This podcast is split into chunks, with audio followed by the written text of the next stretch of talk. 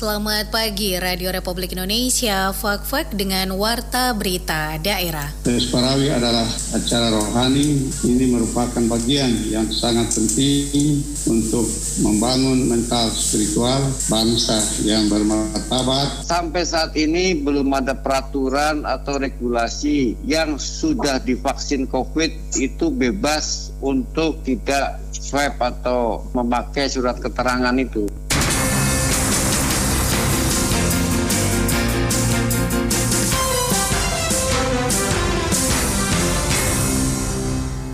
Sari Berita, Pesta Paduan Suara Gerejawi Pesparawi ke-13 kemarin resmi dimulai. Bagi pengguna moda transportasi udara, wajib menunjukkan surat keterangan negatif COVID-19 menggunakan RT-PCR yang berdasarkan pengambilan sampel maksimal 3 kali 24 jam sebelum keberangkatan. Itulah berita utama edisi hari ini, selengkapnya bersama saya Apriantini.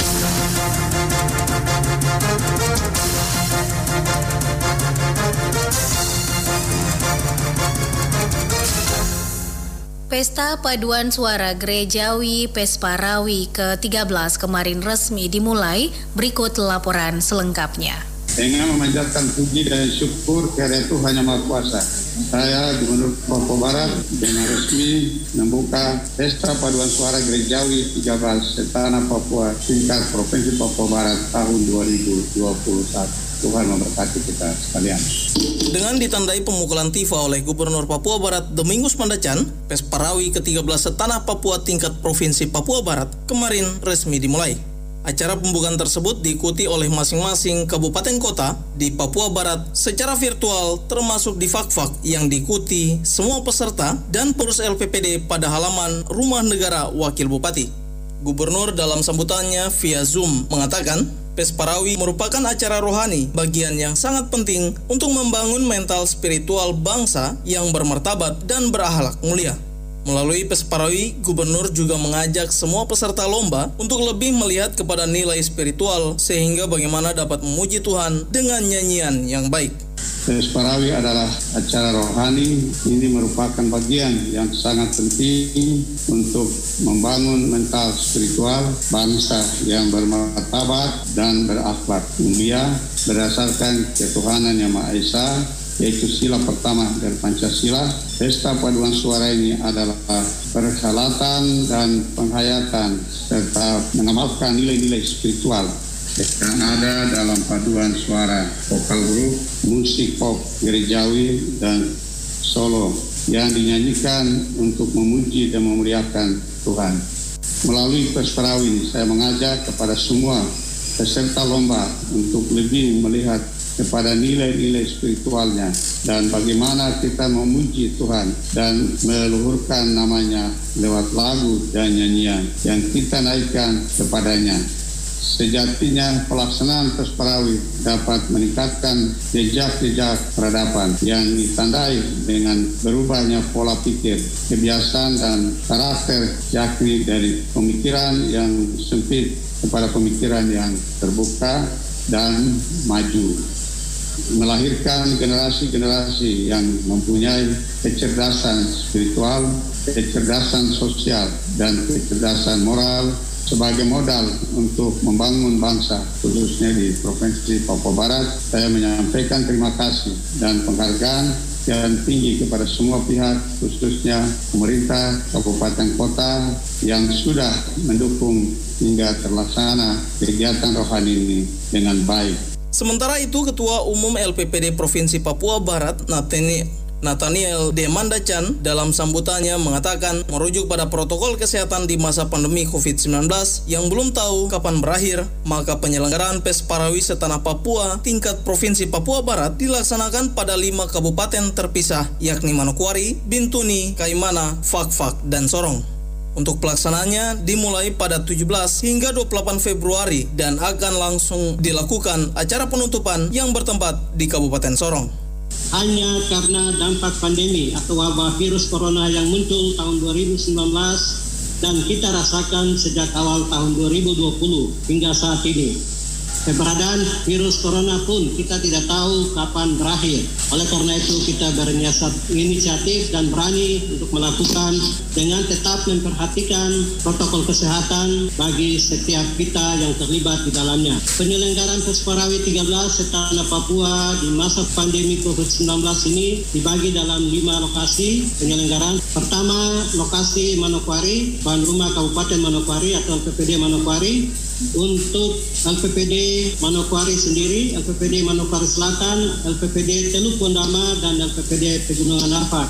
Kemudian yang kedua di Kota Sorong untuk LPPD Kabupaten Sorong, LPPD Sorong Selatan, LPPD Maibrat, LPPD Kota Sorong, LPPD Raja Ampat, dan LPPD Tambrau. Dan yang ketiga di Teluk Bintuni untuk LPPD Kabupaten Teluk Bintuni. Yang keempat Kaimana untuk LPPD Kaimana dan yang kelima Papua untuk LPPD Papua. Penyelenggaraan Pesparai 13 Setanah Papua di Provinsi Papua Barat dibuka di Kabupaten Manokwari tanggal 17 Februari 2021 dan berlangsung secara berlanjut dari dan ke empat lokasi lainnya yang ditetapkan selama 12 hari dan ditutup tanggal 28 Februari 2021 di Kota Sorong.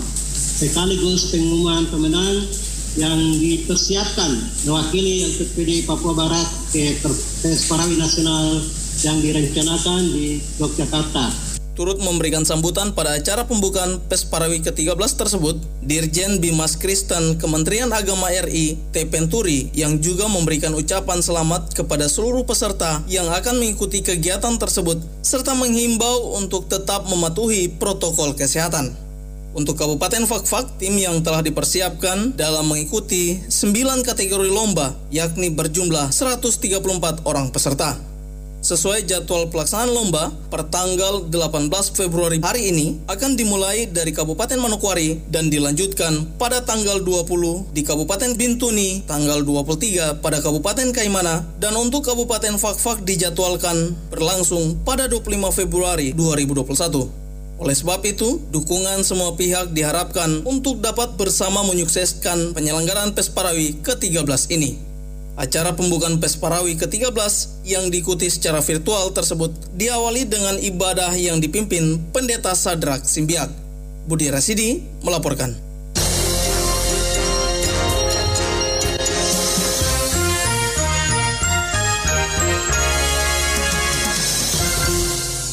Kepala Dinas Kesehatan Kabupaten Fakfak Gondo Suprapto menegaskan belum ada regulasi yang mengatur vaksinasi COVID-19 menjadi syarat pelaku perjalanan di Indonesia. Menurutnya, vaksinasi sebetulnya adalah cara untuk mencegah suatu penyakit menyerang tubuh seseorang. Sebab dengan vaksinasi akan membuat tubuh menghasilkan antibodi yang berfungsi mencegah apabila ada virus yang masuk atau menyerang tubuh. Diungkapkan Gondo, hingga saat ini syarat pelaku perjalanan di Indonesia adalah dengan melakukan pemeriksaan tes PCR atau rapid test antigen. Hal tersebut diatur dalam Surat Edaran Satuan Tugas Penanganan COVID-19 Nomor 7 Tahun 2021 tentang perpanjangan ketentuan perjalanan orang dalam negeri pada masa pandemi COVID-19. Tujuan dari vaksin adalah untuk ketahanan tubuh atau antibodi sehingga tidak mudah tertular oleh virus COVID. Sedangkan untuk persyaratan perjalanan dinas ataupun keluar pelaku perjalanan itu tetap berpedoman pada ajuan Menteri Perhubungan ataupun Satgas Covid tingkat pusat begitu. Jadi pelaku perjalanan tetap memakai persyaratan bebas ataupun negatif hasil swab antigen minimal. Sampai saat ini belum ada peraturan atau regulasi yang sudah divaksin COVID itu bebas untuk tidak swab atau memakai surat keterangan itu swab bebas COVID lah begitu. Ini peraturan baru malahan.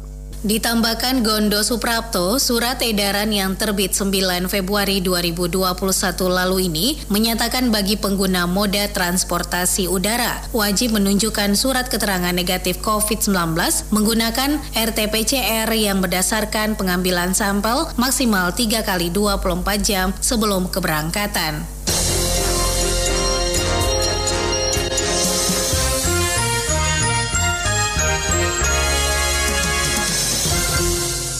Dalam rangka pasca putusan hasil sengketa Pilkada Kabupaten Kaimana tahun 2020 lalu yang telah diputuskan oleh Mahkamah Konstitusi MK pada jam 5 sore kemarin, maka telah dilaksanakan apel gabungan TNI Polri berskala besar yang berlangsung di lapangan apel Polres Kaimana. Kabak Ops Kaimana AKP Ferdinand Mardi kepada RRI menyebutkan, usai apel gabungan dilanjutkan dengan kegiatan patroli gabungan yang startnya dari halaman Polres Kaimana menuju Kampung Koa kemudian ke dalam kota hingga Anda Air dan kembali standby di Mako Polres Kaimana. Dari 350 personil gabungan TNI Polri, Kabak Ops menyebutkan untuk Polres Kaimana sebanyak 250 personil, TNI sebanyak 100 personil, terdiri dari Kodim 1804 Kaimana 46 personil, Batalion Brigif 764 Lambabau Kaimana 50 personil, serta ditambah dengan personil dari POM dan Pos Angkatan Laut Kaimana. Kabak Ops Ferdinand Mardi menjelaskan, kegiatan pengamanan Kamtipnas tidak hanya pada putusan MK, namun akan berlanjut hingga pengumuman penetapan pasangan calon bupati dan wakil bupati Kaimana terpilih.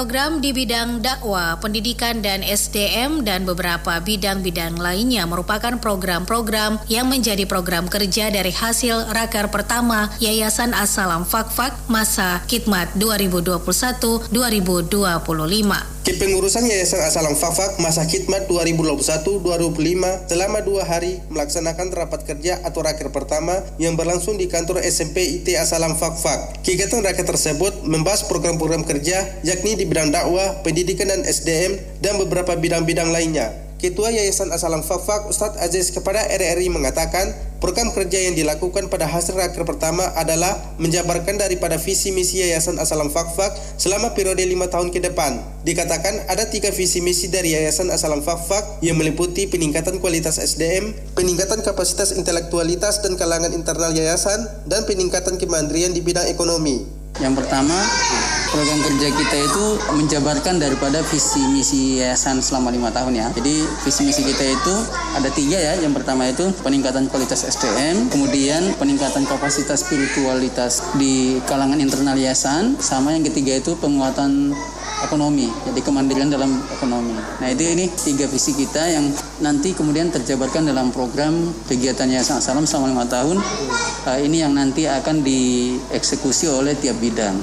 Uh, kita punya bidang penyidikan, kemudian kita punya bidang dakwah dan pengembangan SDM ini yang nanti sebagai tulang punggung dalam uh, visi kita untuk peningkatan SDM. Menurut Ustadz Aziz, dalam bidang pendidikan dan peningkatan kualitas SDM, ada salah satu program yang diprioritaskan oleh Yayasan Asalam Fakfak pada tahun 2021 ini adalah merekrut guru-guru mengaji orang asli Papua untuk mengabdi di Yayasan Asalam Fakfak dan pemberian beasiswa kepada anak asli Papua.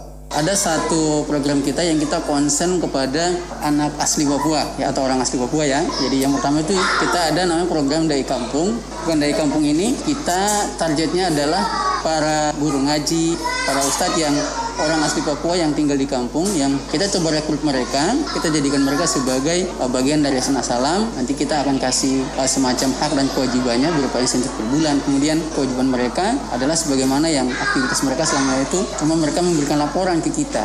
Katakanlah guru ngaji di kampung, dia berikan laporan ke kita terkait perkembangan yang ada di kampungnya. Itu satu. Kemudian ada beasiswa anak negeri. Ini kita bikin untuk khusus SD dan SMP karena kita baru punya dua sekolah itu SD SMP makanya nanti anak-anak yang dari kampung dengan beberapa persyaratan misalnya duafa dan sebagainya itu nanti akan kita rekrut kita kasih beasiswa untuk mereka. Selain bidang pendidikan dan peningkatan kualitas SDM, ada bidang baru yang menjadi fokus perhatian dari Yayasan Asalam Fakfak, yakni bidang ekonomi dan sosial, di mana bidang ini akan bekerjasama dengan pemerintah daerah maupun lembaga dan yayasan lainnya. Kalau bidang lain saat ini kita uh, bidang ada bidang ekonomi dan sosial ya. Kemudian sosial ini dua juga satu peningkatan ke internal yaitu penguatan ekonomi kita cari penguatan sumber daya supaya jangan sampai yayasan kita terlalu eh, selama ini kita tidak pungkiri bahwa kita banyak bersinergi dengan masyarakat pemerintah dan kita banyak tergantung juga dengan itu.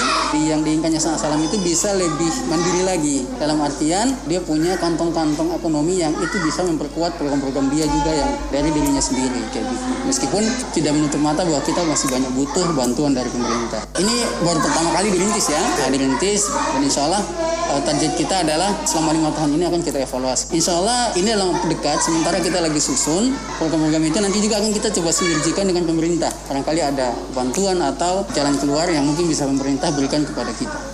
Sementara dari hasil rapat kerja pertama, Yayasan Asalam Fafak nantinya setiap bidang-bidang tersebut akan membuat dokumentasi program yang telah disusun dan seterusnya akan disosialisasikan pada masyarakat baik secara internal pada lingkungan Yayasan Asalam Fafak maupun eksternal kepada pemerintah daerah. Januardi melaporkan.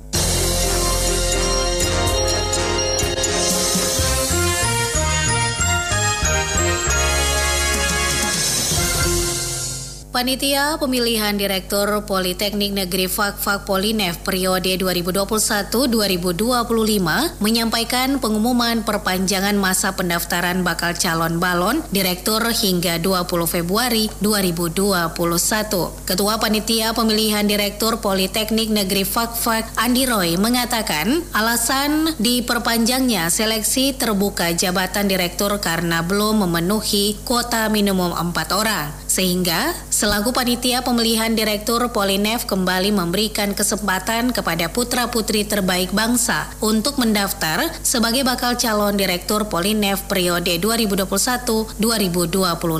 Andi menambahkan pengumuman pendaftaran yang semula berakhir pada tanggal 13 Februari 2021 pukul 23.59 waktu Indonesia Timur diperpanjang hingga tanggal 20 Februari 2021 pukul 23.59 waktu Indonesia Timur. Hingga saat ini, jumlah peserta yang mendaftar online sebanyak enam orang, yaitu Mustari, Muhammad Suban, Tri Agus Susanto, Sulwan Dase, Ikram, dan Muhammad Tahir. Namun jumlah peserta yang menyerahkan dokumen di Sekretariat Panitia hanya sebanyak tiga orang, sehingga panitia memutuskan untuk memperpanjang masa pendaftaran bakal calon direktur hingga 20 Februari 2021. Menurutnya, Perpanjangan masa pendaftaran ini sudah sesuai dengan time schedule yang telah ditetapkan oleh Senat Politeknik Negeri Fakfak. Warta berita daerah tengah disiarkan Radio Republik Indonesia Fakfak.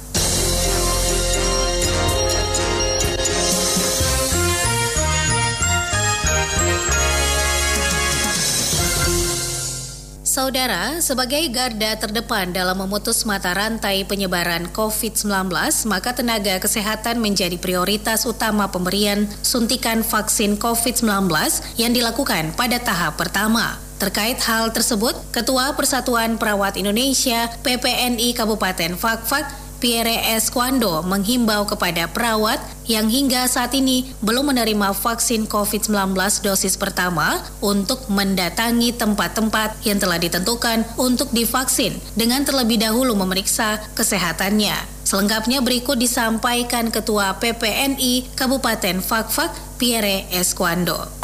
Saya Ketua Persatuan Perawat Nasional Indonesia Kabupaten Fakfak menghimbau dan sangat mengharapkan kepada teman-teman khususnya tenaga kesehatan perawat yang sampai saat ini belum divaksin dengan berbagai pertimbangan-pertimbangan saya sekali lagi memohon agar kiranya teman-teman yang belum divaksin tolong kembali untuk dapat dicek kesehatannya apabila memungkinkan untuk divaksin lakukanlah itu karena itu merupakan keharusan kita sebagai tenaga kesehatan. Karena kalau misalnya kita saja tenaga kesehatan tidak mau divaksin, bagaimana dengan masyarakat? Nah ini yang saya harapkan. Saya ini divaksin yang kedua kali juga tidak ada kendala. Sebenarnya tidak ada masalah itu begitu. Jadi kembali ke kita, tolong hoax hoax yang selama ini mungkin kita dengar di mana-mana tersebar di media sosial sebenarnya tidak. Sampai saat ini saya percaya dan yakin bahwa apa yang telah diharapkan oleh Kementerian Kesehatan buat kita semua untuk mengurangi dan mencegah sekaligus memutus mata rantai COVID-19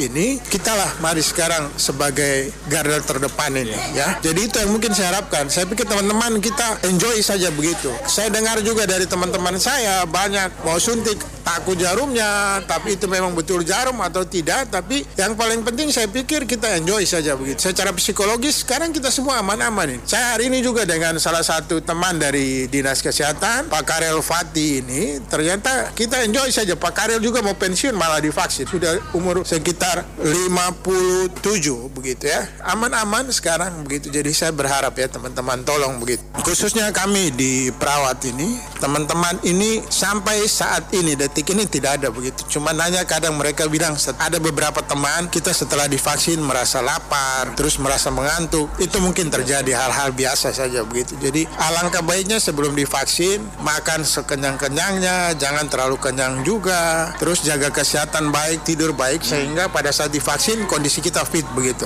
Saya berharap kepada semua masyarakat baik dari Karas Pulau Tiga sampai Wamosan, marilah kita sama-sama memutus mata rantai dengan cara melakukan vaksin. Jadi tolong Bapak Ibu yang memang merasa ada gangguan kesehatan lebih baik dicek terlebih dahulu. Jadi ini bukan memaksakan tapi menghimbau begitu. Tapi alangkah baiknya ini adalah jalan terbaik untuk memutus mata rantai dengan melaksanakan vaksin sehingga kita akan terbebas dari COVID-19.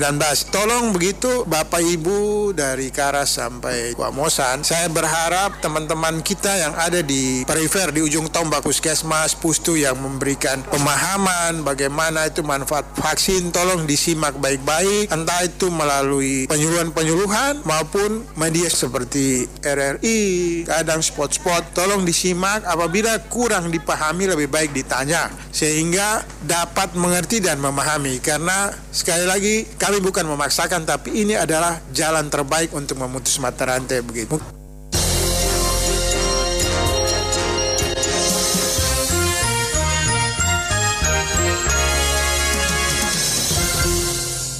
Mahasiswa pecinta alam Mapala Kaministia Asyafia Fakfak menggelar rapat kerja Raker tahun 2020-2021 di Gedung Setia Asyafia Fakfak. Raker dibuka oleh Selantinos de Entamoin mewakili pendiri Mapala Kamini yang dalam sambutannya berharap raker ini lebih fokus pada konsep perencanaan yang harus dan wajib dilakukan dalam organisasi Mapala dan bermasyarakat. Hal senada juga disampaikan Ketua Mapala Kamini, Christian Rangiar. Ia berharap program yang disepakati bersama dapat dipertanggungjawabkan. Ia menambahkan raker ini fokus pada peningkatan sumber daya manusia SD SDM melalui program kerja pendidikan dan latihan dasar meningkatkan wawasan anggota yang mencakup seluruh aspek pengetahuan yang mendukung kegiatan di alam bebas dan membuat program-program di lingkungan hidup.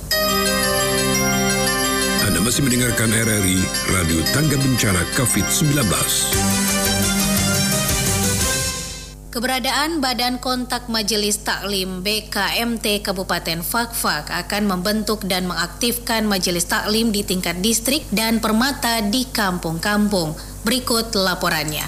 Badan Kontak Majelis Taklim atau BKMT merupakan salah satu organisasi yang berbentuk kesatuan atau independen dan bersifat mandiri, tidak menjadi bagian dari organisasi lain dan kekuatan sosial politik mana pun kecuali aktivitas masing-masing. Namun BKMT memiliki mitra secara langsung yakni pemerintah dan Kementerian Agama. Sementara BKMT sendiri hadir di Kabupaten Fakfak kurang lebih 17 tahun, di mana saat ini sudah tiga periode masa kepemimpinan. Ketua BKMT Kabupaten Fakfak Sarifah Uswanas mengatakan, keberadaan BKMT Kabupaten Fakfak akan membentuk dan mengaktifkan BKMT distrik dan majelis taklim atau permata di kampung-kampung sehingga kegiatan-kegiatan majelis taklim yang ada di kota hingga ke tingkat kampung dapat berjalan dengan baik. Dikatakan untuk di tahun 2021 ini BKMT Kabupaten Fakfak akan membentuk lagi lima badan kontak majelis talim pada tingkat distrik. Kami sudah membentuk majelis talim-majelis talim di, di distrik maupun di permata-permata yang ada di kampung-kampung. Sehingga kegiatan-kegiatan majelis talim yang dari kota sampai di kampung berjalan dengan baik.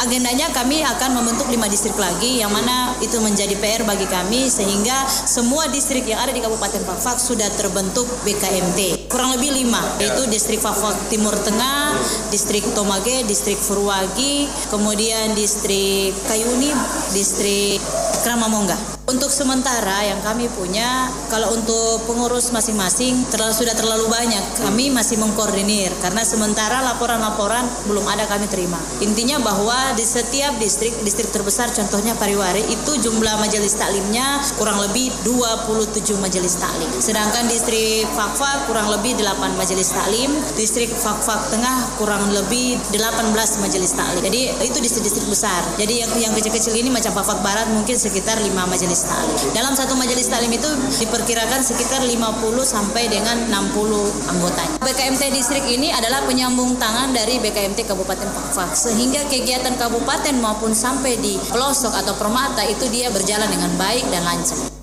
Sarifah Uswanas menambahkan, Majelis Taklim merupakan bagian dari lingkungan sosial memiliki kedudukan strategis, berperan sebagai wahana pendidikan yang berusaha menanamkan akhlak yang mulia, meningkatkan ketakwaan, pengetahuan dan kecakapan yang diabadikan bagi upaya mencerdaskan kehidupan bangsa dan memajukan kesejahteraan umat dalam rangka mencari keridohan Allah Subhanahu wa taala. Sedangkan Badan Kontak Majelis Taklim BKM Kabupaten Fakfak memiliki enam bidang yakni bidang organisasi dan pengembangan kelembagaan, bidang dakwah, bidang pendidikan dan pelatihan, bidang sosial kemasyarakatan, bidang usaha dan kerjasama, dan bidang kesehatan dan kesejahteraan. Januardi melaporkan. Sekian Warta Berita Daerah Produksi Radio Republik Indonesia Fakfak.